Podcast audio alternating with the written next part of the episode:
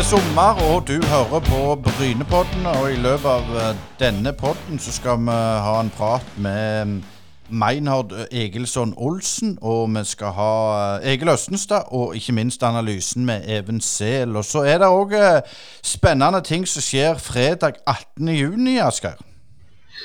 Det er det. Da skal Brynepodden på tur, eh, vekk fra tur. Jeg blir jo sittende der jeg er, men du skal iallfall ut på tur, Øystein. Absolutt. Vi skal ha varme Eik eh, og Easy Egersund, uteplassen i Egersund, så skal vi ha et kickoff for Eik.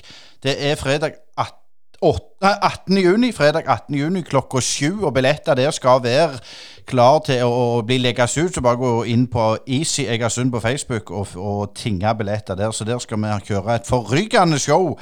Eh, og Egersund de spilte jo 3-3 nå mot Sandnes, og så gikk de på en smell før det mot Vard. Men det skal bli kjekt å, å lage en, en, en god kveld der nede. Det skal bli veldig kjekt, og vi er jo glade i hele fylket med, så vi kjører på. Sparebanken Vest er ikke som andre banker.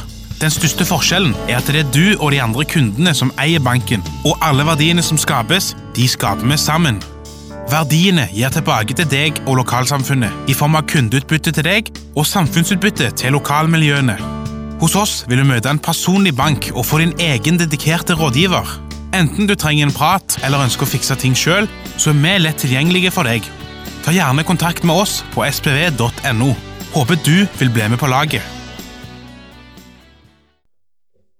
Ja, Du hører fortsatt på Brynepodden, og da skal vi over til Even Sehl og analysehjørnet. Og det ble um, uavgjort mot HamKam. Er det noe dere er fornøyde med, eller skulle dere helst sett at dere tok alle tre poengene? Vi skulle jo alltid ønske at vi hadde fått tre poeng.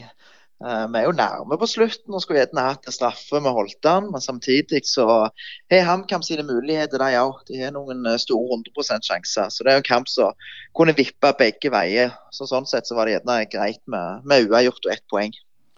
Du ser litt på inngangen til kampen, så, så virka dere Dere hadde respekt for HamKam, for, for det var et godt lag. Eh, presset var ganske godt inne på egen baneavdel. Var det bevisst, eller var det bare en ble presset? Nei, Det var nok en liten eh, kombinasjon. Men vi, vi visste det at HamKam var fysisk eh, og rutinert lag. De var flinke til å følge opp med mye folk i boks og var gode i kontringsspill. Og, og jeg synes HamKam egentlig er et av de lagene som ligner mest på oss sjøl i måten å spille på. Med at det går eh, fort framover når de gir mulighet. og Mye duellkraft og løpskraft. Så vi visste det at vi møtte et godt lag. Vi ønsket jo å presse høyt i, i starten av. Men så ble vi litt baktunge perioder. og tror jeg var litt kombinert med at vi, når vi vant ballen, så ga man litt for lett ifra oss. Synes uh, Denne kampen så hadde vi litt for mye pasningsfeil og litt for mye slurv i enkelte situasjoner. Som gjorde at vi mista ballen og måtte ned og være kompakte og samle oss. Eh, det som du sier, det var to gode lag, altså to jevne lag uten de store. Altså et arbeidende lag. Men, men eh, det med at det var litt pasningsfeil og sånn, tror du det at det var det høye tempoet som gjorde det? Ja, det er vel jeg, jeg tror en kombinasjon av at vi ikke var nøyaktige nok. At vi ikke gjerne var nok på tå hev, konsentrerte nok. Og så var det gjerne bevegelse foran ballfører som ikke var god nok. Men så var HamKam flinke å presse oss til å gjøre feil. Vi fikk ikke mye tid med ball, og det fikk heller ikke HamKam. Så for uh, den personen som liker veldig ballbesittende fotball, så var det ikke en fantastisk kamp å se på. For det var ikke mye pasning innad i laget, verken for oss eller HamKam. Det var mye kriging og kjemping og, og mye dueller. Hva, hva, sier analysen når du har sett på video etterpå? Um, hva var, dere mest fornøyde med? Vi er fornøyde med at vi synes vi har, har bra intensitet i, i, spillet vårt. Vi var litt spente på det etter fire kamper på kort tid. Hvordan responderer vi på det? Samme elveren som starter hver gang. Klarer vi å holde oppe trøkket? Og Det syns jeg var, var bra. Vi, vi, springer mye, både med og uten ball. Vi visste HamKam var gode i kontringsspillet. Vi ga de lite kontringer. Og vi var gode de kontringene vi fikk, så var vi gode til å ta de i returløp og komme oss ned på, på rett side. Og så er vi fornøyde med at vi igjen er farlige på dødball. Nå får vi skåring etter corner, vi er farlige etter kast. Gjerne ikke direkte, men vi får flytta folk, og så får vi ettertrykk, og så skaper vi noe etter de lange kastene fra Robert. Uh, og så er vi fornøyde med at vi ja, kommer tilbake igjen, ikke minst. Sant? Det er fort gjort å dette litt ned når vi får 1-0 ut i andre omgang, men det er bra at vi heller trøkket oppe og klarer å kjempe inn en skåring etter, etter corner. Så Det er bra med cornerne. Vi har hatt 25 corner i, i år, og 13 av de har endt i en form av, for avslutning. Og det, det, er gode tall. Når det ikke er direkte mot mål, men det er et duell der vi er først på ball og får avslutta. Så det, det, er bra. Og så bare, bare neste steg være å, å få han i mål òg. Men nå fikk vi iallfall en cornerskåring i denne kampen.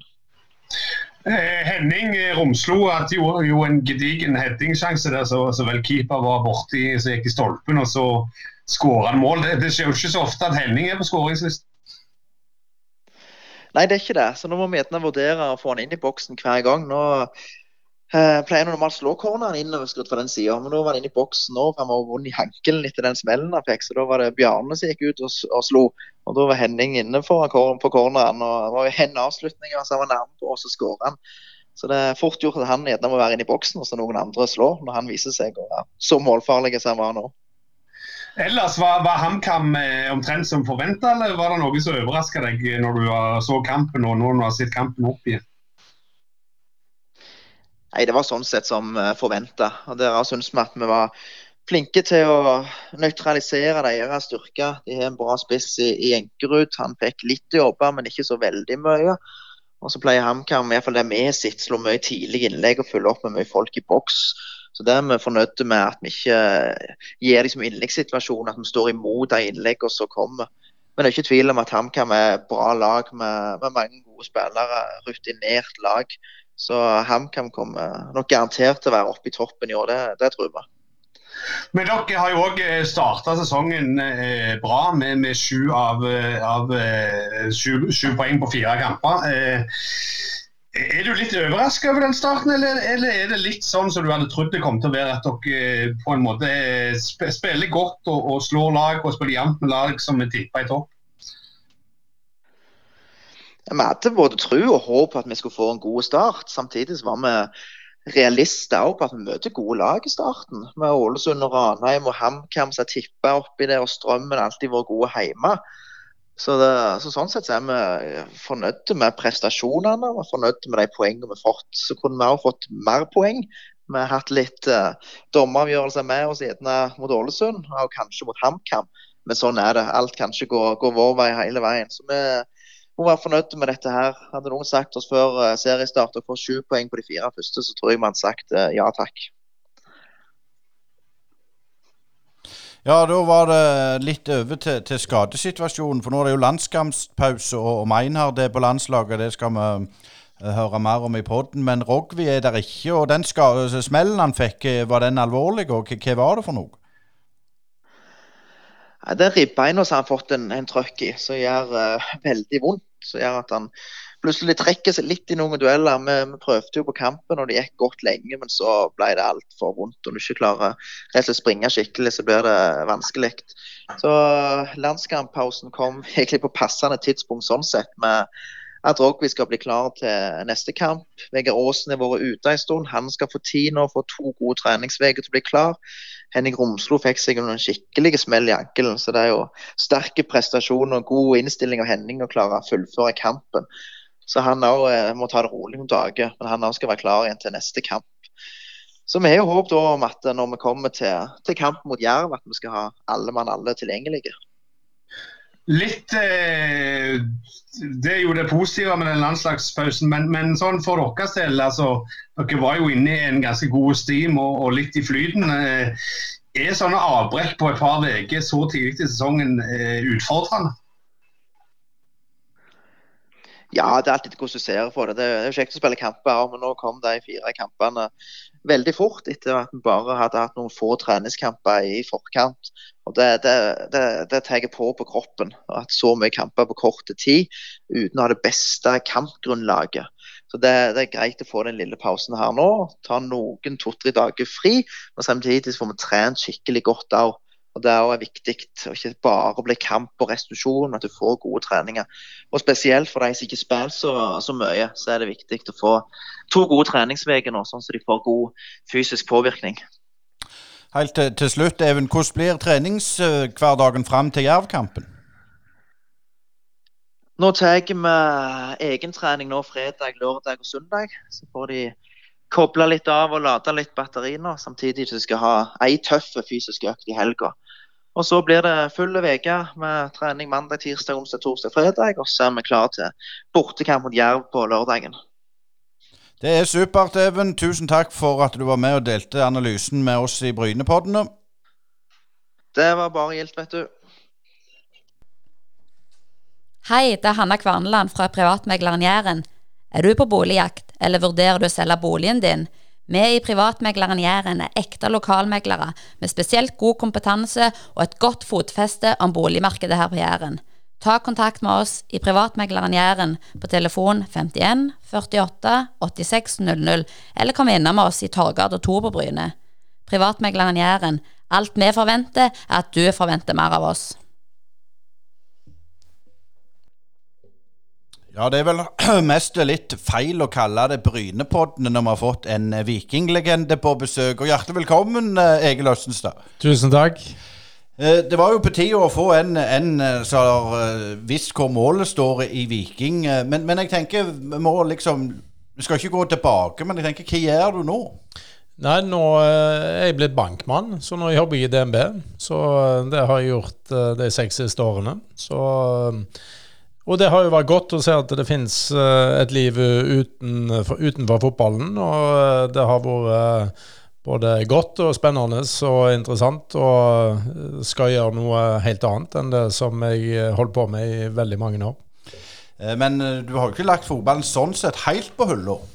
Nei, jeg er altfor glad i fotball til at jeg eh, glemmer fotballen. Så de siste årene har jeg vært eh, veldig aktiv eh, rundt uh, damelaget til Viking og jentesatsingen til Viking. Uh, og det har vært en uh, veldig spennende reise. Og fått være med på det og jobba med det som er aller aller kjekkest i fotballen. Og det er å jobbe med unge spillere som har lyst til å bli gode, og som er villige til å bruke mye tid og gjøre det som kreves for å bli gode. Og der har vi hatt gleden av å jobbe med ei gruppe med fantastiske jenter over flere år. Eh, når du først er inne på, på jentefotball og kvinnefotball, eh, Egil, eh, som er vel jo en ny verden for deg etter du ble far. og sånn, Du var jo ikke så vant med det når du vokste opp. Men altså, dattera di Martina har jo spilt på Klepp og, og, gikk nå til Sandviken, var det vel. Eh, når du ser liksom forskjellene på din gamle kompis Alf, Alfie Haaland og, og, og, og dattera di, si, hvis hun skulle gå til utlandet en dag, så er det jo en enormt gap mellom jentene og guttene. Hvordan, hvordan, er det som gammel proff å se de der store forskjellene, og som far? Uh, nei, jeg tror det er viktig å snu litt på det. Og, for det er veldig lett å henge seg opp i de åpenbare forskjellene som er der. Uh, og, og, og, de er jo store på, på alle plan.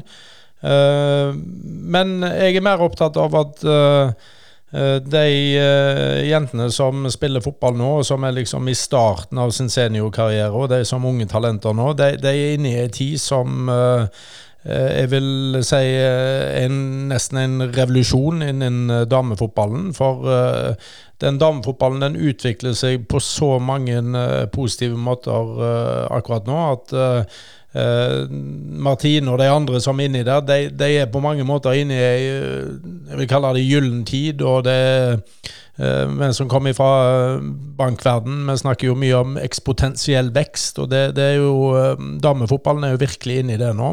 Så istedenfor liksom å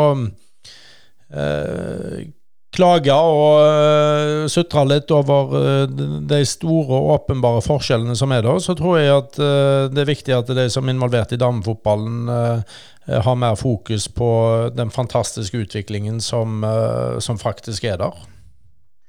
Men, men, som far, altså du har jo vært med og trent eh, datter i, i, i, mange år, og sånn, men var det noe at du ville at hun òg skulle begynne å spille fotball? og sånn, og pusha du, eh, Eller var det sånn at du, du syntes det var viktig at du hadde det kjekt og fikk velge litt når du begynte å bli litt større om du ville satse eller ikke? Jeg syns alltid det er viktigst at jeg har det kjekt. Uh, og uh, Martine begynte å spille fotball uh, seint. Jeg er helt sikker på at av de hun spiller med i Sandviken i dag, og de som hun har spilt aldersbestemt landslagsfotball med opp gjennom årene, så, så, er nok hun den som begynte med fotball sist av alle. Hun var Gikk vel i sjette klasse på uh, barneskolen uh, kom hjem og sa at nå ville noen jenter i klassen begynne å spille fotball, og om jeg kunne være med dem og trene litt, og det kunne jeg jo, selvfølgelig. Så hun begynte seint med fotball, men uh, begynte tidlig med, med, andre ting, og har drevet med um, friidrett lenge, med håndball, uh, med dans. og til og med hatt en veldig kort opptreden i pikekoret. Men, men, er det noe som, som eh, du savner litt kanskje med, med guttene som, som, spiller fotball i dag? Den der variasjonen. altså når vi vokste opp, så var det jo ganske naturlig å prøve ganske mye forskjellig i, i oppveksten, før en da tuna inn på, på, det en ville satse på. Nei, altså, jeg, jeg tror, eh, Her tror jeg ikke det finnes noen fasit. Og, og når vi voksne diskuterer dette, så, eh, så syns jeg at vi glemmer en, en, veldig viktig ting. Og det å høre med ungene hva de syns er kjekt. For, for, det er klart, hvis det, hvis det er en tolvåring som uh, syns det er så gøy å spille fotball at det er bare det han vil, uh, og så kommer noen voksne og sier at ja, hvis du skal bli en god fotballspiller, så er det sikkert lurt at du går på litt turn og du går på eh, friidrett og tar litt yoga i tillegg. Da, da, det er bra, men han har bare lyst til å spille fotball. Da, da tenker jeg at da skal han få lov å spille fotball. Og hvis det er noen som har lyst til å gå på yoga og gå på turn og gå på håndball, så skal de gjøre det, for da er det rett for deg. Så, så eh, denne diskusjonen der med liksom eh, Hva er rett eh, i forhold til allsidighet, den, eh, det er en diskusjon som jeg tror eh, veldig ofte går på de voksne sine premisser, og så glemmer vi å høre hva eh, ungene sier. Men klart, Det er jo Viking som er laget til, til, til, var til Martine. og Der har det jo vært en del snakk nå med at de skal liksom overta plassen til, til Avaldsnes og sånn. Eh, hva syns du, som ser, ser det gjerne litt på utsida?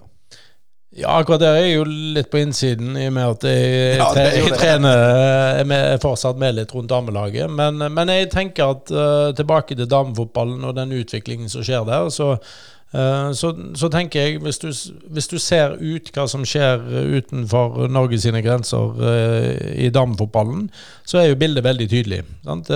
De store klubbene de går all in for dette, og det gjør at utviklingen er spennende, og, det går fort. Og ressursene som går i retning damene, blir større og større. Og det er, I England så er det nå de store klubbene som er i toppdivisjonen. Og, det er de aller største klubbene som slåss om titlene. Og sånn er det i de store fotballnasjonene. Og da tenker jeg at for damefotballen er det en veldig viktig og rett utvikling. Og så tenker jeg at for damefotballen i Norge så ville det vært veldig rart hvis vi har ambisjoner om å Eh, hevde oss eh, innen damefotballen, og det opplever vi jo at Norge fortsatt har. Så ville det være veldig rart om eh, utviklingen skulle gå i en veldig annerledes retning i Norge. Så, så jeg tror at for å utvikle damefotballen i Norge, så er det viktig at det skjer i kall det de store herreklubbene, fordi at der er det ressurser, det er en kompetanse, det er, det er en rekruttering eh, som gjør at eh, det er naturlig at aktiviteten skjer der. Ja, Avaldsnes har jo kommet opp der pga. mye penger utdannede. Det, det, er jo ingen tvil om. Men, mm. men, men sånn så De onde tungene hevder jo at Viking må kvalifisere seg som alle andre og ikke kjøpe seg en plass. Men hvordan har dere klubbene liksom, den dialogen vært mellom Avaldsnes og Viking? Ja, Der eh, er jo jeg involvert rundt laget, så, så, den dialogen der har vært på styrenivå og daglig ledernivå. Så, så akkurat status der og liksom hvordan det utvikler seg, det, det, vet jeg ikke. Eh, det har jeg ingenting med. Eh, jeg er bare en enkel trener og trener de spillerne som jeg eh, får beskjed om å trene. Men jeg, jeg, jo, jeg oppfatter jo at dialogen er positiv, og at Uh, altså vi, vi, Viking er interessert i dette fordi at Viking ser at uh, her skjer det mye veldig fort. Det, det går et uh, tog i damefotballen nå som eh, i, Norge så står det i hvert fall Rosenborg og Vålerenga, og kanskje veldig fort Brann på det toget der. Og det toget der ruller veldig, veldig fort. Eh, og da er det så enkelt at hvis de andre kalle større klubbene i Norge skal være med, eh, så må de gjerne inn i toppserien litt raskere enn eh, en sånn ren organisk eh, utvikling via opprykk tilsier. Og det er jo den måten som f.eks. Rosenborg og Brann òg har kommet der. Så ser jeg selvfølgelig at uh, du kan uh, Du kan snakke mye om liksom, om det er rett eller galt. Uh, igjen så tror jeg at du må og, og de som me, mener veldig mye om det, det vil jo som oftest være noen som gjerne har noen særinteresser i det. Um, hvis du tar på deg uh, damefotballhatten generelt, så tror jeg at uh, det er veldig rett for damefotballen, uh, for utviklingen av damefotballen nå i Norge at de store klubbene på herresiden òg ønsker, og virkelig ønsker, for det vi var i bånn, å være òg store klubber på damesiden. Men eh, Egil, hva, hva, syns du har vært den største forskjellen med å liksom lære deg damefotball kontra det du var vant med i oppveksten på herresida, eller var vant med å se på, på, på guttelag? Altså, hva, er den store forskjellen på, på behandling av, av spillerne? Nei, altså heldigvis så er, så er, det ikke så store forskjeller. Altså jeg, eh, jeg har eh, sett at eh, en fotballspiller er en fotballspiller. Et talent er et talent, enten det er gutt eller ei jente. Så det er Sånn I utgangspunktet så er det veldig veldig få forskjeller. Så forskjellen er jo mer det, det ytre, altså det som skjer utenfor banen og utenfor trening og utenfor kampene. Der dere uh, Altså, jeg, jeg, må si jeg beundrer jentene og damene eh, voldsomt for, for, det de legger ned i det. Fordi at i motsetning til guttene, så er det liksom Det, det er veldig lite Veldig få andre motivasjonsfaktorer enn den indre driven til å bli god. og det, det, er jo, det er jo noe sånn veldig tillatende med det, sant? for det, er, det, det, gjør det på mange måter uh, uh, veldig sånn ærlig, uh, det de holder på med. mens for gode gutter, og dette vet jeg jo fra min tid som sportsdirektør, så, så handler det jo veldig fort om hvor god kontrakt kan jeg få. agenter det, det, blir veldig mange sånn utenom treningsfeltet faktorer som, eh, som, eh, som påvirker og spiller inn. Eh, og, og, det er på mange måter den store forskjellen. Men akkurat i det de gjør når de går ut på banen, så er det heldigvis veldig få forskjeller. Jeg skal skru tida bitte litt tilbake til, til Torvastad, Egil. og eh, Det jeg tenkte på, det er jo at eh, Karmøy-fotballen eh, det var vel, Korpervik var jo, hadde jo et gode lag, og, og Torvastad er vel et litt mindre lag og et mm. type sånn bygdelag. Og så hadde du selvfølgelig Haugesundslagene som var gode. men Altså, Hvordan var det der fotballmiljøet på Torvastad? Var, var, det liksom den samme gjengen som hang og spilte i skolegården, og, og, og var det den samme gruppa hele veien? Ja, Tor Torvestad er jo, som du sier, det er jo ikke noe uh, storby. Uh, så, uh, så, det var jo de samme som holdt på å si gjorde alt. Og det var jo begrensa med tilbud. Så Tor Torvestad var jo som bygd som var litt delt mellom Eh, spilte du fotball, eller uh, gikk du i kjerkeklubben eller ungdomshuset, som det heter. Så det var jo litt sånn inndelingen i uh, blant ungdommen på Torvestad. Så var det noen uh, som kryssa noen grenser, enten hele veien eller innimellom. men Eh, et veldig flott uh, fotballmiljø og et fantastisk altså for meg, som det, det, er helt sikkert det for de fleste som uh, spiller fotball når du ser til, uh, eller som har spilt fotball, når du ser tilbake på den tida når du vokste opp i klubben din. Det, det er jo ei flott tid. og det du får være med på der. Og, og, og det, det, er jo det som er så fantastisk med fotballen, at Eh, det, treng, det, det, er liksom ikke bare det der som skjer eh, på de helt store arenaene som, eh, som, du husker. Jeg husker jo like godt når jeg var i Dana med Torvestad som når jeg spilte kamper i Premier League.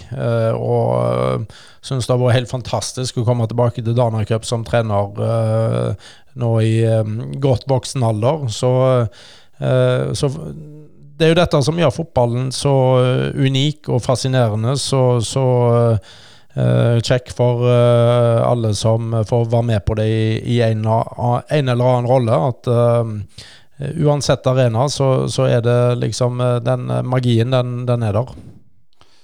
Vi skal ikke snakke for mye om Torvas, det er en liten plass. Men det er sånn, hvis, hvis, du kjører der, så Oi, der var jeg forbi. Eh, men, men det som jeg syns er så fascinerende eh, med, med, med Torvaldstad, og, og, deg da spesielt, at du var jo tidlig på, på yngres landslag. Men, men hvem var det som liksom pusha deg og hjelpte deg og veileda deg når du var unge? Når så de at det var noe eget? Uh, nei, jeg, jeg har alt når jeg tenker tilbake, så uh, har jeg alltid vært et talent. Og jeg var jo med på kretslag så fort det var mulig å være med på kretslag og eh, sonelag og alt dette greiene her. Så, så jeg, jeg, hadde et godt utgangspunkt. jeg brukte jo fryktelig mye tid på dette. jeg var jo, var jo, veldig glad i å spille fotball og, og trene, og det, det må du være hvis du skal bli god. Um, og så var det med meg, sånn som det er med tror jeg alle som uh, når uh, toppnivå i, i, landet de, de, er i, at uh, det er veldig ofte én trener som betyr noe ekstra for deg. Og, og, sånn var det for meg òg. Jeg hadde en trener som heter Jan Arne Vågen, som trente meg gjennom flere år på aldersbestemte lag.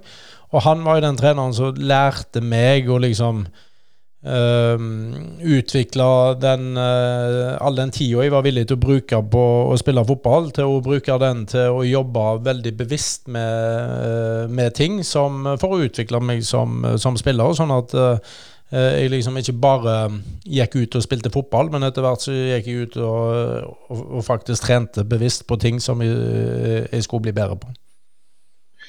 Men eh, si, du kom jo over Buknafjorden etter hvert i, i, i, ganske ung alder. så Du var vel røftlig 18, du var vel myndig?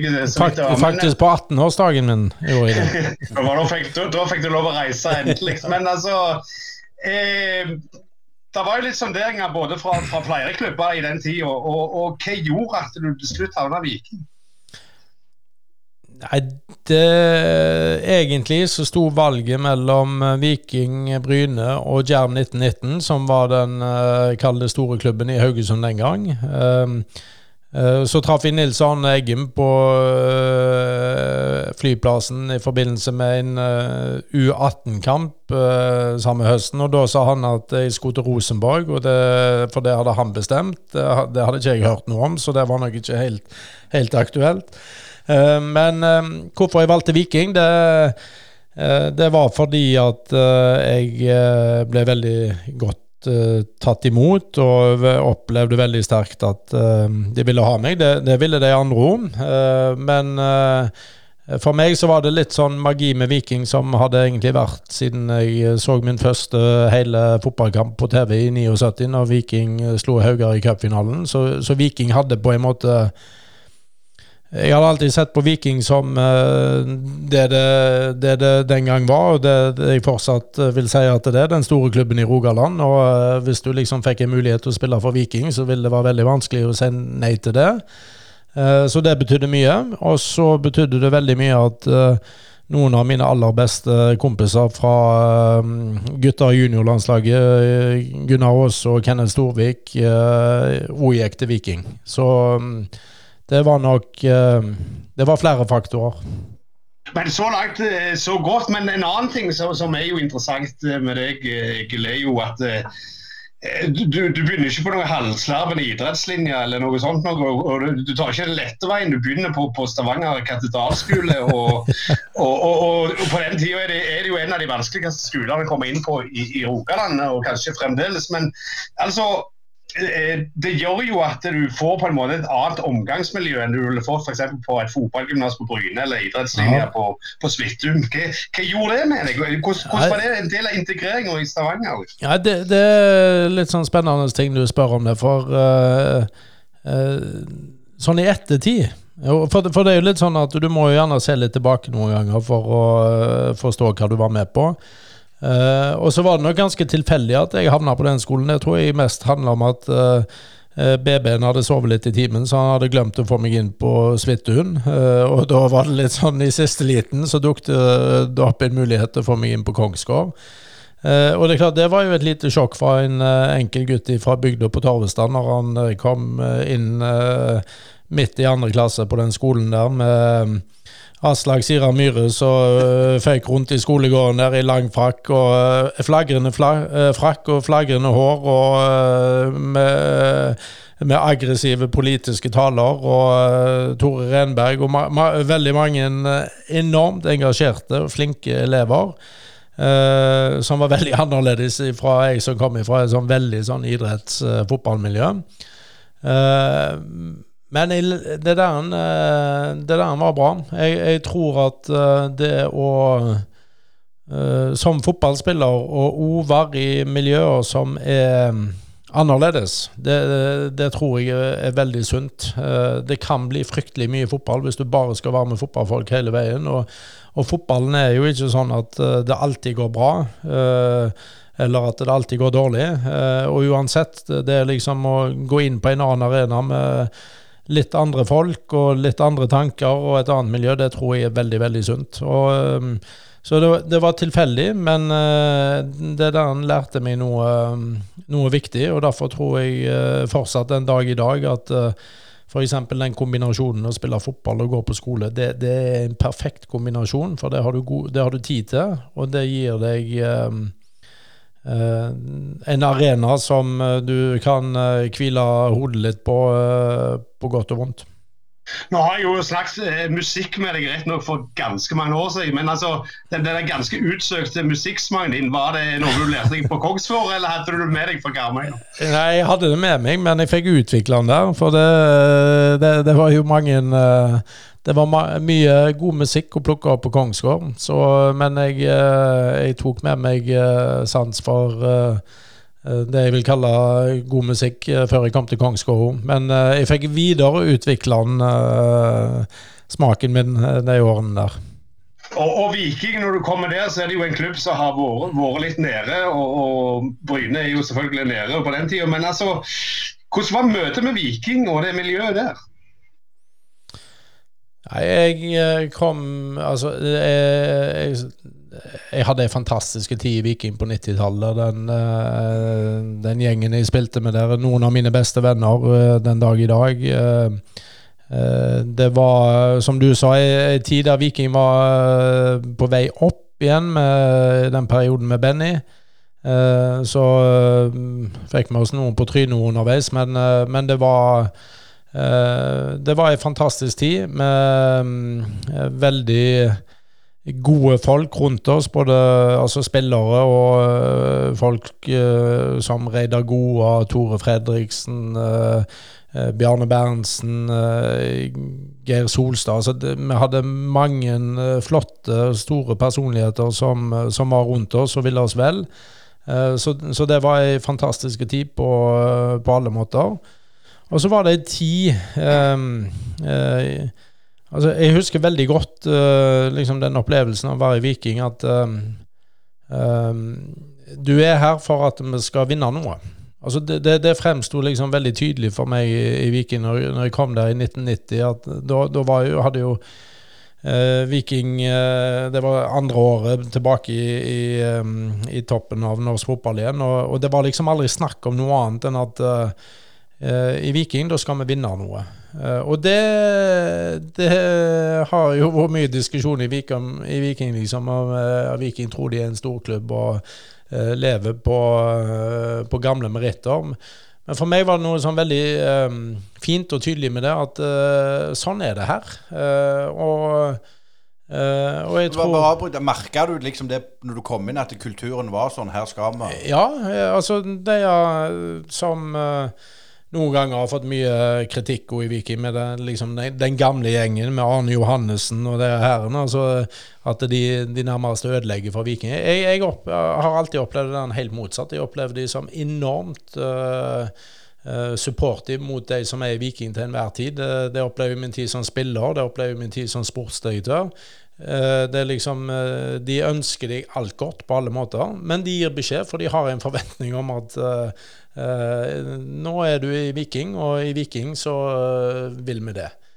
Eh, og det tror eh, jeg eh, er noe som Vi snakker mye om liksom, ja, det sitter noe i veggene i Viking som, var noe negativt. Jeg, eh, jeg opplevde at det satt noe i veggene i Viking som var veldig sånn tydelig på um, eh, I Viking, da skal vi vinne noe. Og så får skjønne alle at det gjør vi jo ikke hvert år, for det har vi jo strengt tatt ikke gjort i det hele tatt. Men det er jo ikke så farlig, det, om vi ikke vinner noe. Men uh, det må liksom alltid ligge eh, der at eh, det er det vi skal. Men var det nå i den tida når du var spiller, at det var noen som liksom ikke leverte sånn de skulle, og så sa sorry, Mac, du må finne deg noe, noe annet å gjøre? Ja, men sånn er det jo alltid. Det er jo, eh, det er jo eh, krevende Altså det, det er veldig krevende steg å ta liksom det der en går, å gå fra talent til å bli en etablert toppspiller. Det, for de aller fleste tar det lang tid. Noen tror at uh, det gikk veldig fort for meg. Det, det gjorde jo ikke det. Jeg brukte mange år jeg etter jeg kom til Viking før jeg uh, var uh, etablert i, uh, i en startelver. Mens mine beste kompiser de gjorde det på strak arm. Sant? Så Eh, så, og det, det, de aller fleste klarer det jo ikke. Uh, sånn er det jo. Uh, det, um, det er vanskelig, og det, det skal være vanskelig. Men jeg tror, i hvert fall i Viking, så opplevde jeg at selv de som ikke klarte det, ble jo tatt godt vare på allikevel. Det er klart det ble jo profftid på deg, men, men når du ser tilbake på det, var når du var på Torvastad, på, på grus- og grasbanene der, hadde du drømmen og ambisjon allerede da? Ja, men når du, vet, når du springer rundt der, da eh, tror du jo at du er Liverpool-spiller når du er tolv år. Sant? Så jeg trodde jo jeg var Kenny Daglish eh, i ung alder, jeg. Eh, og så blir det sånn at når du blir litt eldre, så skjønner du jo at det er ikke sikkert at det skjer. Så, så da blir det en annen greie. Så eh, når, når jeg fikk muligheten i England, så var, så var liksom ikke det noe jeg gikk rundt og tenkte på, at nå må jeg komme meg til England. Eh, Jeg var veldig fornøyd der jeg var. Jeg uh, utvikla meg eh, bra der. Eh, hadde store ambisjoner på egne vegne og Viking sine vegne. Men så kom det en mulighet, og, og da, da tok jeg den. Ja, og da er Mulighetene var jo selvfølgelig eh, Southampton. og Det er jo den eneste Karmøy-byen som er omtalt i, selvbiografien til Graham Sunes, som kom for ikke så lenge siden. Men eh, hvordan var møtet med, med The Dell og Southampton? Det, jo, det er jo alltid vært en sånn klubb som, som har kjent for å utvikle litt talent. og Så kom jo du og Berkovic eh, og Lundekvammen kom vel eh, ikke så lenge etterpå. Men, men Eh, Dere hadde jo et vanvittig radarpar, og, og en tidlig kamp er jo den der berømte 6-3 mot MU, da, så dere bare feier over dem, eh, selv om Roy Keane ble utvist. Men møtet med engelsk fotball for, for den unge karen som hadde vært da, ja, eller halvunge karen som hadde vært da i Viking i noen år, og komme over til Øyrike og fotballens heimland, hvordan var det? Ja, det var flere ting. Eh, altså, jeg kom til merka med en gang at jeg kom til et nivå som uh, var mye høyere enn det jeg var vant med. Uh, og derfor uh, eh, var jeg veldig glad for og heldig at eh, jeg, fikk eh, jeg fikk en veldig god start. Eh, Denne kampen du refererer til med, mot Manu, det tror jeg var tredje kampen jeg spilte. Så jeg fikk eh, tidlig en sånn trygghet at selv om dette var et uh, veldig nivå opp, så fikk jeg en sånn trygghet på at uh, uh, her kan jeg være. Her kan jeg prestere. Og det, det var viktig. Så, så det var én ting med det, at det var et nivå Et veldig nivå opp. Totalt sett. Der det ikke var et nivå opp som på en måte overraska meg, det var jo sånn treningsmessig og på den fysiske biten, og um, hvor langt bak uh, I hvert fall de var i Southampton i forhold til hva vi var i Norge den gang, på dette som gikk på organisering, struktur, hvordan vi trente, hvor mye vi trente. Uh, altså Der var vi ikke i nærheten i Southampton. Så da, da endte du opp i de situasjonene at du følte liksom gjennom ukene at du veldig ofte måtte legge inn en del ekstra økter fordi at du fikk rett og slett ikke nok. Uh, og um, sånn taktisk, vi som er vokst opp med, med Drillo og Nils Arne Eggen og norsk fotball på 90-tallet, som um, var veldig strukturert og organisert, um, det var jo der kom vi jo til at de delte inn i to lag. That's it. Um, så, så, så, det var det, det, var en stor overgang på mange, mange, måter. Og så var vi jo Vi var jo heldige, den generasjonen min, at um, For dette var jo en tid før Premier League er som vi kjenner Premier League i dag, den, den beste ligaen i verden. Så, så det betydde jo at gjorde du det bra i Norge så var jo sjansen stor for at du faktisk fikk muligheten til å prøve deg i Premier League. Men eh, du, du fikk jo Sune som, som, manager, og han var jo eh, litt skadeskutt etter, etter tida i Liverpool. Eh, og var jo selvfølgelig en, en veldig kjent spiller for, for oss som så tippekampene på 80-tallet, som du òg gjorde. Altså, mm. hvordan, hvordan, var det å møte en sånn en kar ansikt til ansikt og liksom du, du, må jo ha tenkt tilbake. altså, sånn var det òg. Jeg husker fra den kampen og den kampen og Liverpool eh, mislykkelsene og sånn. altså, var, var, det sånne spesielle ting, eller var det sånn helt greit å, å snakke med han og forholde seg til? Nei, det, det, det er klart at uh, å si at det der var helt uh, Nei, jeg, jeg syns det var veldig spesielt at du skulle uh, bort der og spille på det stadionet du hadde sett, og, um, og, og møte han sant? Uh, jeg er jo en av de som har vokst opp med den der berømte Liverpool-plakaten i Sport og bilder. Den gedigne Liverpool-plakaten med det legendariske Liverpool-laget der Sunes var kaptein. Så at han plutselig skulle bli sjefen min, det, det er klart at det var, um, det var spesielt. Og så var han en fantastisk sjef for meg når jeg hadde han i Southampton, for da hadde han henta meg til klubben. Og det var det jo litt prestisje i. Så, så når jeg hadde han i Southampton, da kunne jeg ikke gjøre noen ting galt. Altså Uansett hvor dårlig jeg var, enten på trening eller kamp, så mente han at de var helt fantastisk. Og det gjør jo noe med selvtilliten til, eh, til deg, enten du spiller fotball eller hva du holder på med. Og så øh, fikk jeg jo etter hvert et sånn veldig schizofrent forhold til ham. For jeg, jeg, møtte han jo igjen i Blackburn. Da kom jo han etter jeg var der. Og da tenkte jeg at nå kommer jo min mann, men det var det jo ikke. For da kunne jeg jo ikke gjøre noen ting rett. Så, så det, det, var jo en erfaring, det. men, men, du har jo vært innom eh, så mange. Du gikk jo til Blackburn, og så ble det City, og så er det Rangers, og så er det, er det mm, Blackburn igjen. Oppturer og nedturer på de åra i England, hvis vi skal ta det ganske kjapt? Ja, det var det jo. Ehm, jeg hadde til sammen syv og et halvt år der. Eh, fantastisk år. Ehm, og heldigvis er vi jo skrudd sammen sånn at vi, vi, husker helst eh, det som eh, har vært kjekt og godt. Og, og i det store og det hele så var det en fantastisk periode for, for meg og familien. Eh, men på banen så er det klart at jeg hadde lange perioder som var veldig krevende. Jeg hadde, et, jeg hadde nesten en hel sesong i Blackburn der jeg ikke trente med A-laget engang. Der, de, der de egentlig gjorde alt for å få meg vekk. Uh, og det er jo krevende. Uh, og jeg fikk uh, en periode så fikk jeg ikke engang vært på feltet når A-laget var der, for det var sånn skikkelig sånn De skulle ha meg ut og på en måte knekke meg. Og eh, heldigvis så hadde jeg jo sett dette før, så jeg eh, var, hadde en rutine som gjorde at eh, jeg kunne håndtere det på en bra måte. Så, så det, det, kom jeg meg godt igjennom og bestemmer meg for at da skal jeg i hvert fall trene mer enn noen gang.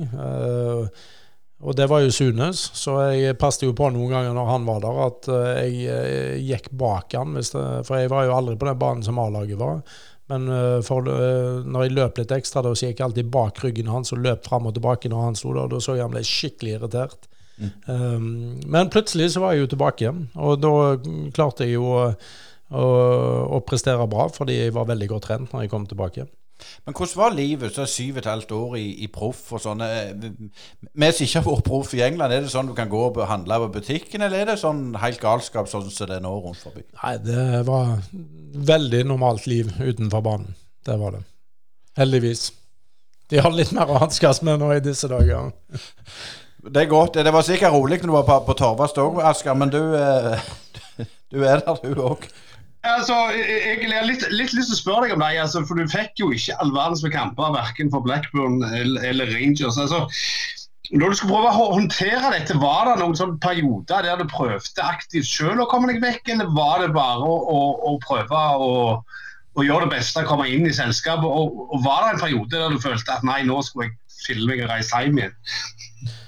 Ja, det, og det var flere overganger som var aktuelle for meg i den perioden når jeg var uh, av det i Blackburn. Og det var jo bl.a. bakgrunnen for at jeg havna på lån i Man City en periode. Det, det var jo fordi jeg uh, holdt på å si var tilgjengelig. Og dette var jo i tiden når Manchester City drev og signerte uh, middels spillere fra Bryne og Torvestad, og ikke verdensstjerner fra Barcelona.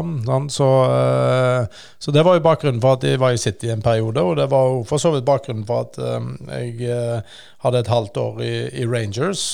Så så det var alltid Det var alltid en vurdering av om du skulle videre. Men samtidig var det veldig viktig for meg at jeg ville gå videre til noe som jeg ville, ikke som Sunes ville. For uh, han dreit jo i hvor, uh, hvor jeg havna. Ja, men Hvis du sånn eh, tenker tilbake, altså var det noen ganger noen ting du angrer på at du ikke sa ja til Jeg vet ikke hvem det var snakk om. Det var ikke Queen of the South, sikkert. Men, men altså, var det noen klubber der som du angrer på at du ikke sa ja til?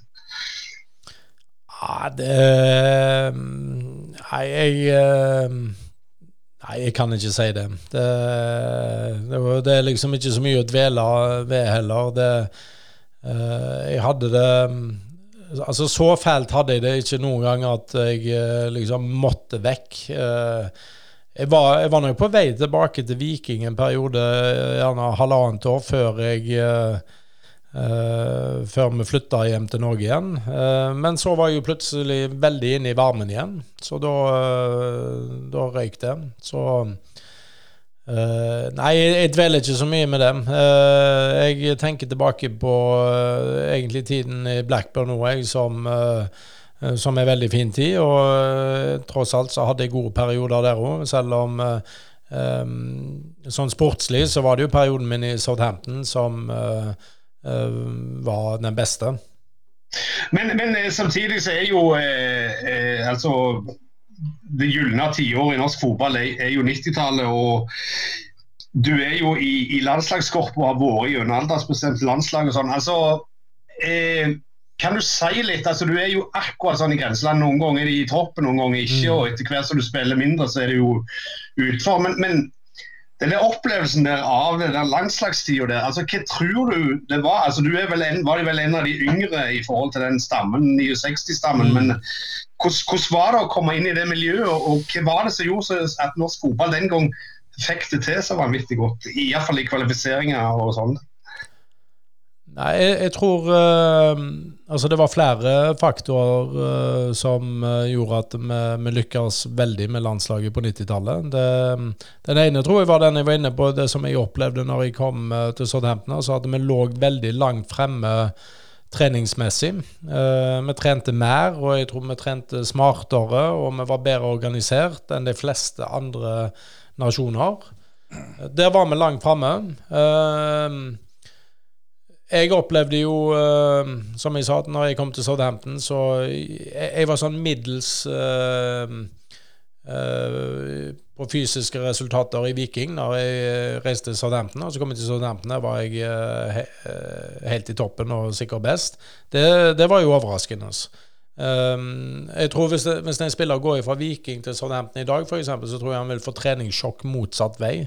Um, altså, de nå ligger jo de fleste nasjoner langt foran oss på eh, alt som har med metodikk og eh, fysisk trening eh, å, å gjøre. Men den gang så var vi, så var vi nok eh, langt framme der, og det, det, det er klart eh, det var en viktig faktor. Drillo var en viktig faktor på landslaget, fordi at han solgte inn noen ideer som eh, eh, ble så lett å, å kjøpe, fordi at uh, han fortalte jo hvordan kampene skulle bli, og så ble de sånt. Uh, og det er klart, det, det gjør jo noe med, uh, med troen, det. Når du liksom opplever at eh, treneren før kampen forteller hvordan kampen blir, og så blir han sånt. Og så blir jo den troen på det hans budskap ble jo forsterka noe voldsomt. Selv om det var veldig mange spillere i troppen som i hverdagen og sånn Kall det ideologisk sett var veldig uh, langt ifra det, det Drillo sto for. Så, så, så Drillo var med, med, han, med, den troen han skapte på det han ville ha, og det vi kunne gjøre, var selvfølgelig en helt vesentlig faktor. Og så var det um, altså, det, var, det var ei gruppe av spillere som jeg tror var Eller som jeg vet var var ganske sånn modne, vok kall det voksne spillere. My, mye ledertyper som Uh, var gode fotballspillere, men som òg uh, uh, gjerne forsto litt mer hva de var med på enn bare det at de spilte fotball. Det, det, tror jeg var veldig viktig. Nå er det jo snart EM, og det er klart du nevner det at på en måte landslag og, og klubber tok igjen mye. Altså, mm. Nå snakker vi med en færøysk landslagsspiller i denne poden, og for eksempel, og, og, og, de skal spille mot Island. To lag som sikkert på de tid var helt, mm. helt ute av det. Men hva du tror du gjør at disse små Jeg vet ikke hva de kaller lilleputtstater, var det det dere kalte det i drilletida? Har tatt oss igjen? Eh, nei, det er kunnskap. Altså Fotballen er jo, eh, er jo gått uh, fra å være Eh, basert på uh, synsing til å, bli, til å være basert på, uh, på kompetanse og kunnskap. Og den, den, kunnskapen den er jo tilgjengelig for alle. og de som ikke lykkes da, det er de som ikke vil bruke den kunnskapen som finnes der ute. Og så når du klarer å kombinere den kunnskapen som nå er der, med, med erfaring i tillegg, så, så begynner det jo å bli spennende. Hvis vi går tilbake til din karriere igjen. Det ble jo Viking i, i 2005 2004 Ja. Eh, det, det Viking du forlot til det du kom tilbake igjen til, hva var det store forskjell?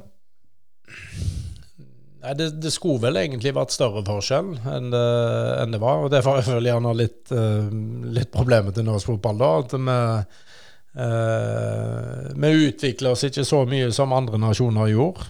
Så uh, nei, Forskjellen var jo at vi spilte på det jeg kaller for Vikingstadion, og ikke Stavanger stadion. Det var den største og åpenbare forskjellen. Og det var jo en viktig motivasjonsfaktor for, for meg, som var litt sånn halvskada, halvrusten når jeg kom til, tilbake, at jeg hadde veldig lyst til å Uh, å oppleve å spille på det nye stadion. Og så har jeg veldig lyst til å uh, gjøre det bra for Viking igjen før jeg uh, ga meg.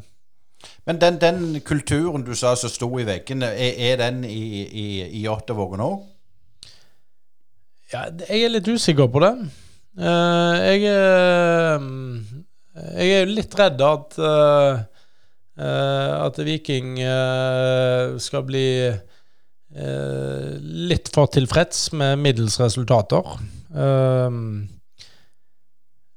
og Det tror jeg kler Viking dårlig på sikt, uh, hvis det stemmer. Uh, jeg uh, jeg fikk jo ofte mye kjeft, jeg, som, som sportsdirektør i Viking, at vi, vi liksom skulle være oppi der. og det men jeg tror det er viktig at de som jobber i Viking, går litt på jobb hver dag og kjenner litt på det at vi vi skal være der oppe. Og så kan du si at det er helt idiotisk når Rosenborg har vunnet 300 ganger og, uh, og, og, og sikkert vil gjøre det igjen. Um, men jeg tror det er veldig farlig å liksom slå seg litt til ro med at uh, ja, nå skal vi bygge noe, så skal vi være veldig gode om tre år eller fem år, og det den greiene der. Det, det, fotball er ikke sånt. og så god er ikke de andre lagene at det er liksom så enormt langt fram.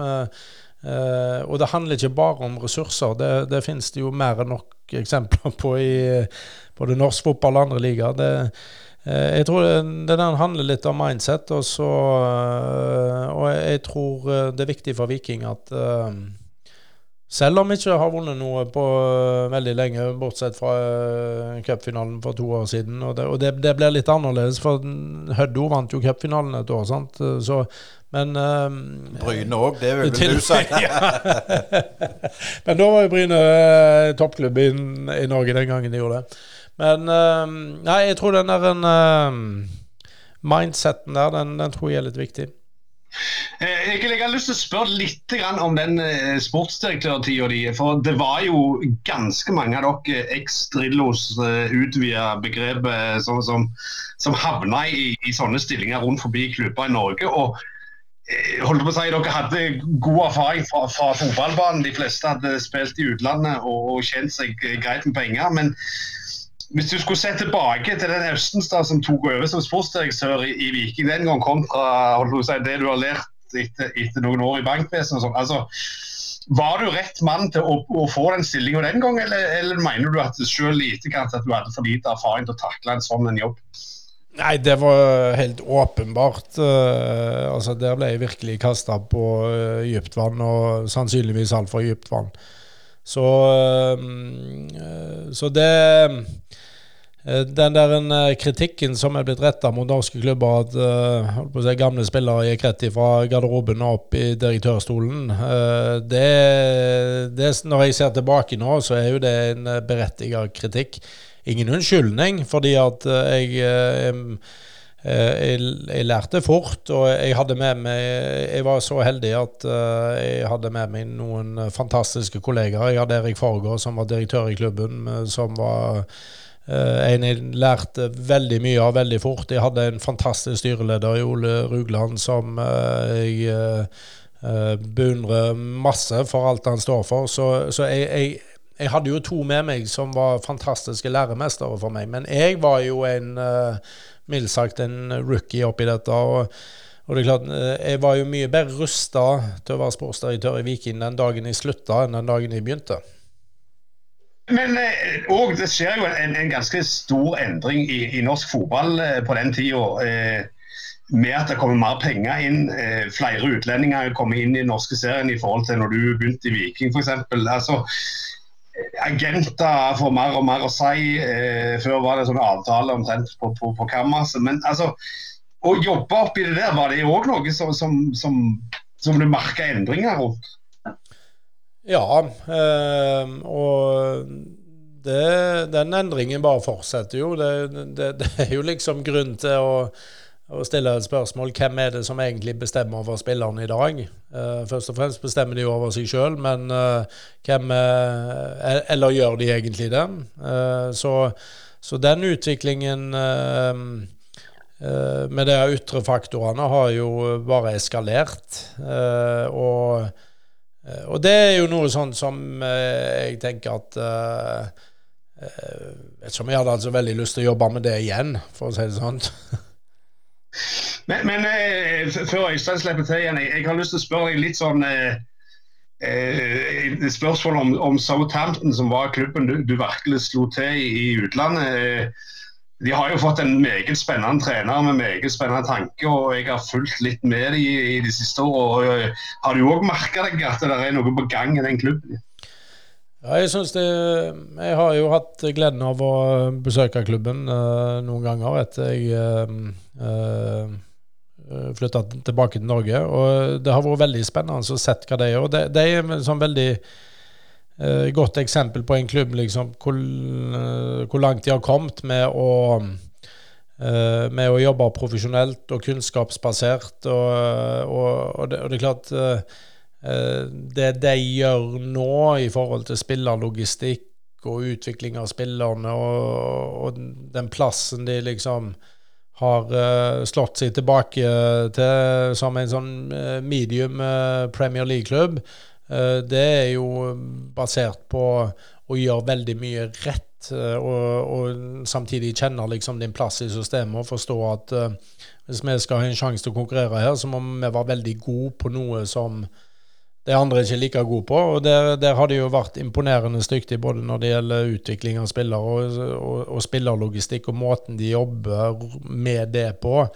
Når du ser liksom ja, Du trenger ikke se lenger enn til det laget med litt ekstra glad i Liverpool, så er det jo eh, Southampton har jo vært en avgjørende bidragsyter til den suksessen Liverpool har hatt de siste årene. Men, men altså, dataanalyse, eh, tall, sports science og sånn, er det noe vi nordmenn har vært eh, og er for dårlige på, rett og slett, i forhold til det som de driver på andreplass ute i Europa? Det skal jeg ikke si, det skal jeg ikke være noe skråsikker om, fordi nå er jo ikke jeg inne i uh, hverdagen i, uh, i klubbene. Men jeg, jeg, ser jo at det er jo en generasjon trenere som både ser i Viking og i andre store klubber som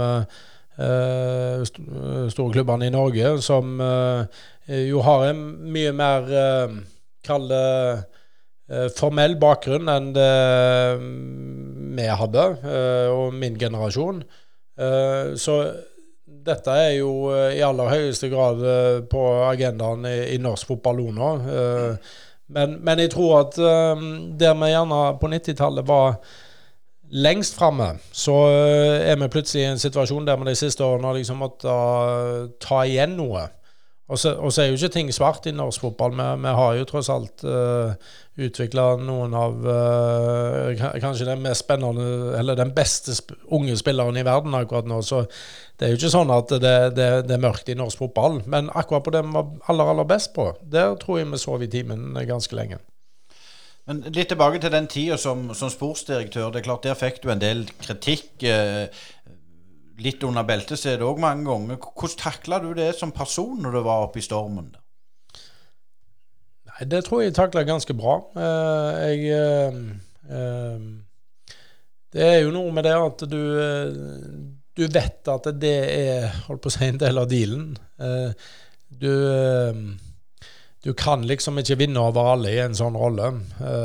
det Uh, da, da, må du vinne Da må du vinne hele veien, og det gjorde ikke vi. Uh, uh, så liksom at du skal bli populær i en sånn rolle over, overalt det, det, kan du ikke, og akkurat det lever du ganske godt med.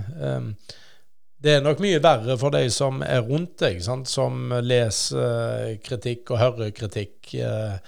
Eh, for de eh, vil nok eh, oppfatte det og takle det på en annen måte enn du gjør sjøl. Så jeg, jeg, har aldri syntes at jeg har blitt stygt behandla av omgivelsene når jeg var sportsdirektør. Jeg, jeg, hadde masse support av de som var viktige for meg å ha support av. Altså, jeg nevnte tidligere de kalle gamlingene i Viking, og uh, Ole Rugland som var styreleder, og eh, kollegaene mine eh, Erik Forge og Kjelling Olsen. Altså, vi, vi, vet hva vi gjorde, og vi jobber hardt. Det er masse support der. Eh, og så eh, Jeg har aldri følt meg stygt behandla, selv om du får kjeft og kreditt, kreditt uh, kritikk, heter det, ja, ja. av andre. Det, det er det er en del av pakken, eh, så det må du bare leve med. Men tenkte også, når du reiste til England, da var jo jeg holdt på å si, eh, Det høres ut som jeg er 100 år, men da var vel gjerne internett og iPhone var iallfall ikke kommet. Uh, men, men, hva tror du gjør det med i dag? Med, med nå har vi jo podkaster som vi mm. syns og mener. Du har Twitter, du har Altså, det går så fort. Spillerne blir bombardert. Ja. Bommer du på mål, så står det at du er ja. idiot over hele ja. verden. Sånn. Hva tror du det har gjort med fotballen? Nei, eh, jeg tror ikke det har gjort eh, si, fotballen noe bedre. Eh, og nå, nå, har vi jo sett at eh, nå har jo, de, nå har jo store, de store klubbene og de store stjernene har jo nylig hatt en boikott av sosiale medier nettopp pga. Uh, den hetsen som er der. Og, og det viser jo at, at det, det går inn på dem. Um, så, så, omfanget er jo uh, Altså, det blir jo bare mer og mer og verre og verre.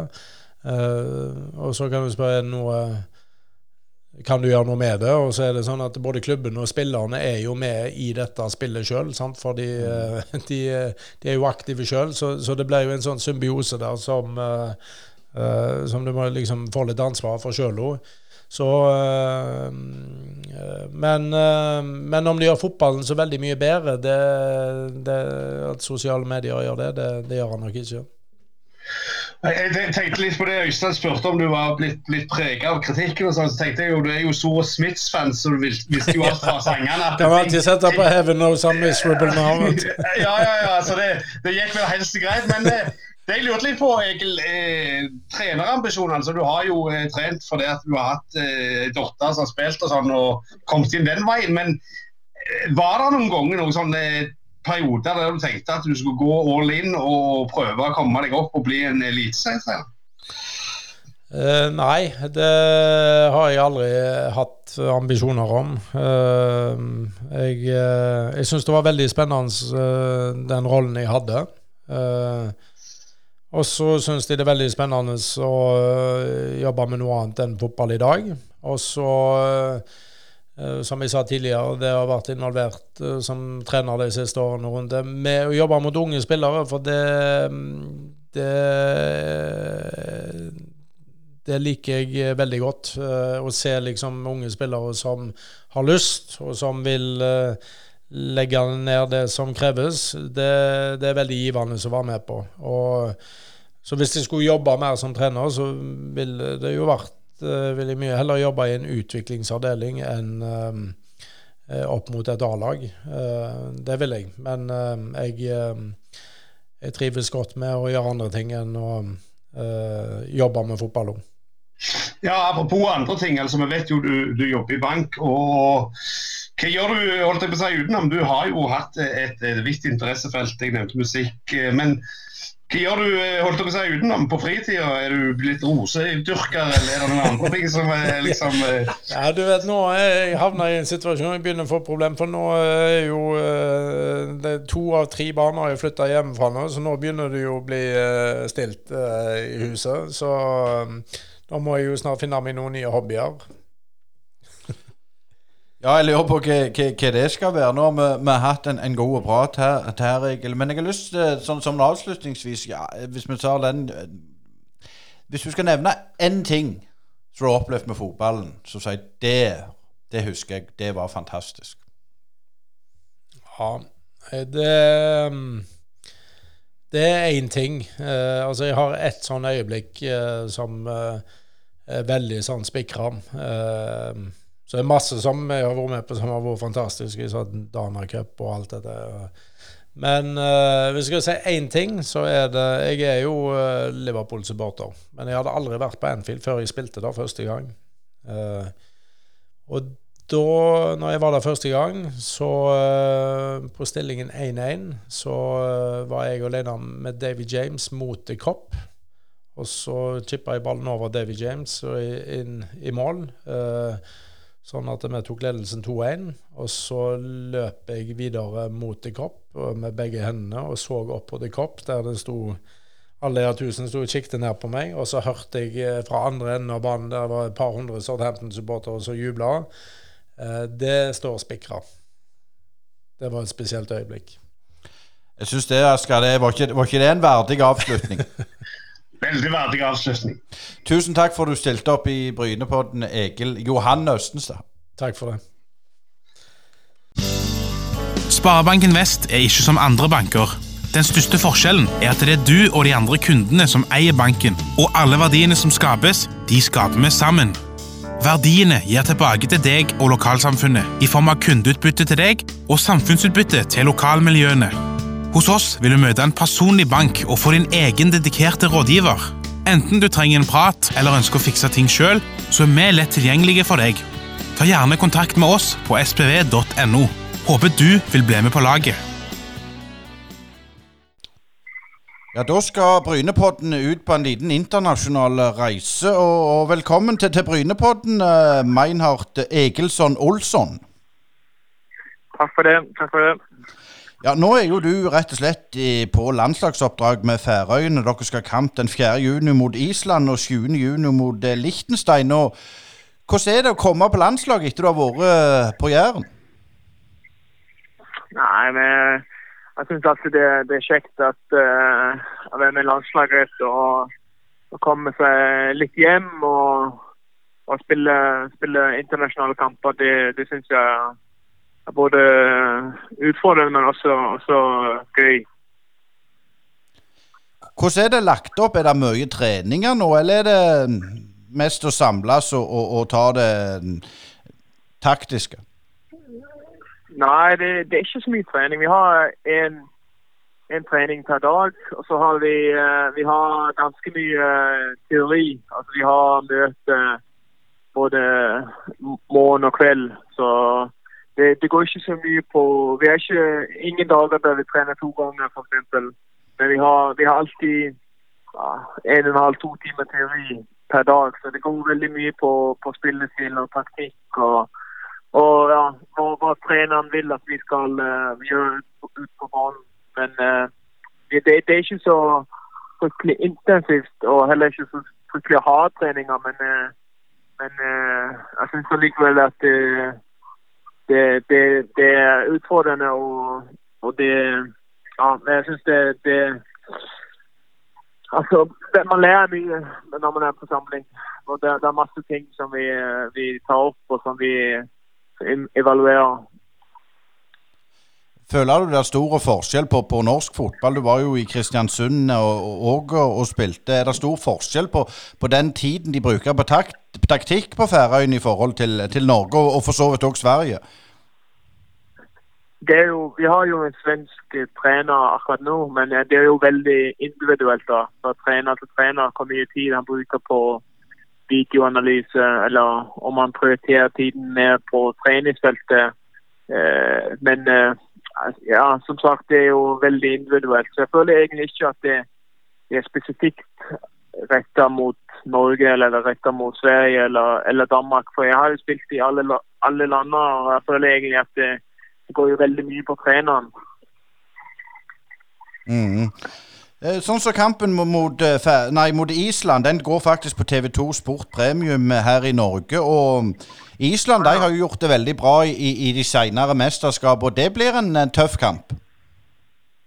Ja, det blir en tøff kamp, men det blir også en kamp liksom, hvor vi kan uh, måle våre egne krefter med, med, Island, som vi jo ser, ser veldig mot. Altså, vi vi har jo sett uh, hvordan Island har klart seg i de seneste sluttrundene. De har jo gjort det fantastisk bra. så liksom Det, det det blir artig at, uh, å måle krefter med de.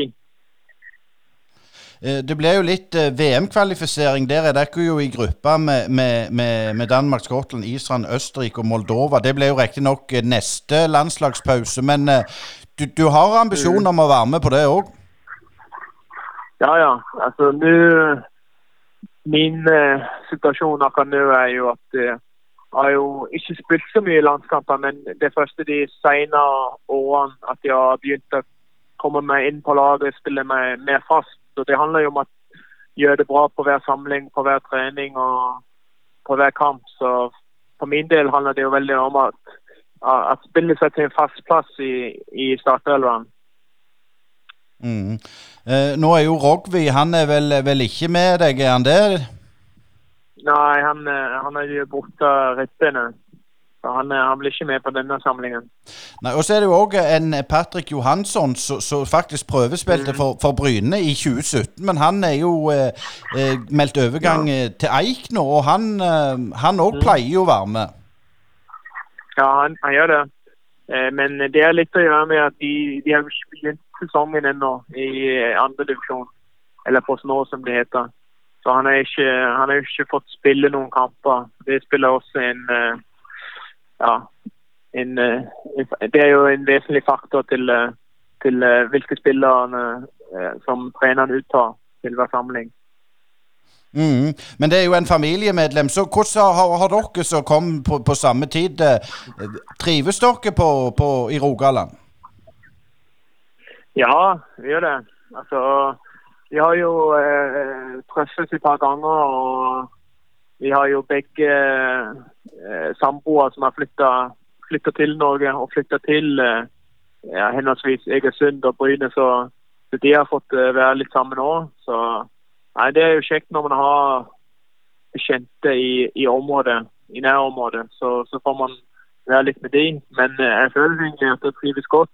Eh, på Bryne og ja, i Rogaland, eller hva det er, om det er Jæren eller Jeg, vet, jeg er ikke helt uh, kontroll på hva som er grensa, grensa går der. Men, men eh, hvis vi skal inn litt på, på Bryne, hva syns du om, om åpninga? Hva, hva, hva, hva, hva syns du når du kom? Hvilken klubb var det du kom til? Var det det du forventa? Ja, egentlig. Altså, jeg hadde jo et par samtaler med Jan Halvor og med Regve. og liksom, de, de forklare liksom, hva, hva, for, hva for en klubb det er. Og hadde jo forventa at det er en klubb som er jeg sier, en liksom, arbeiderklubb. At det, er jo ikke det store Altså, Klubben har vært litt nede i, i, på tredje nivå, men jeg har jo fått inntrykk av at klubben har jo hatt eh, altså har, har jo vært en ganske historisk klubb gjennom tidene. Og så egentlig føler jeg bare liksom at det er en veldig familieklubb. Uh, og det er jo liksom det som jeg er vant med når man kommer fra små forhold på, på Færøyene og ja, også i, i andre klubber jeg har vært i. Så det, det liker jeg veldig godt. Uh, helt til slutt, uh, Meinhard. Din egen innsats, er du fornøyd, eller har du mer å gå på? Nei, altså jeg er jo kan ikke være misfornøyd da med jeg står med, med to mål og, og et par målgivende, men jeg føler egentlig at jeg har ganske mye mer å gå på. Jeg kom litt seint Tilbryne til Bryne. Satt jo, har jeg sittet to ganger i karantene. Så jeg føler egentlig at eh, fysisk har jeg litt, litt å gå på. ennå. Så kan jeg jo bli enda bedre kjent med spillestilen og, og, og ligaen. Eh, så jeg, jeg tror jeg det kan bli ja, det kan bli enda bedre. Det, det er jeg helt sikker på. Nei, men Det er supert, Meinhard. Meinar. Du får veldig masse lykke til mot Island. Og, og tusen takk for du tok deg tid i en, eh, en hektisk hverdag på landslagssamling med Færøyene. Ja, ja. Nei. Det, selv takk. Hei, det er Hanna Kvarneland fra privatmegleren Jæren. Er du på boligjakt, eller vurderer du å selge boligen din? Vi i Privatmegleren Jæren er ekte lokalmeglere med spesielt god kompetanse og et godt fotfeste om boligmarkedet her på Jæren. Ta kontakt med oss i Privatmegleren Jæren på telefon 51 48 86 00, eller kom innom oss i Torgata 2 på Bryne. Privatmegleren Jæren. Alt vi forventer, er at du forventer mer av oss.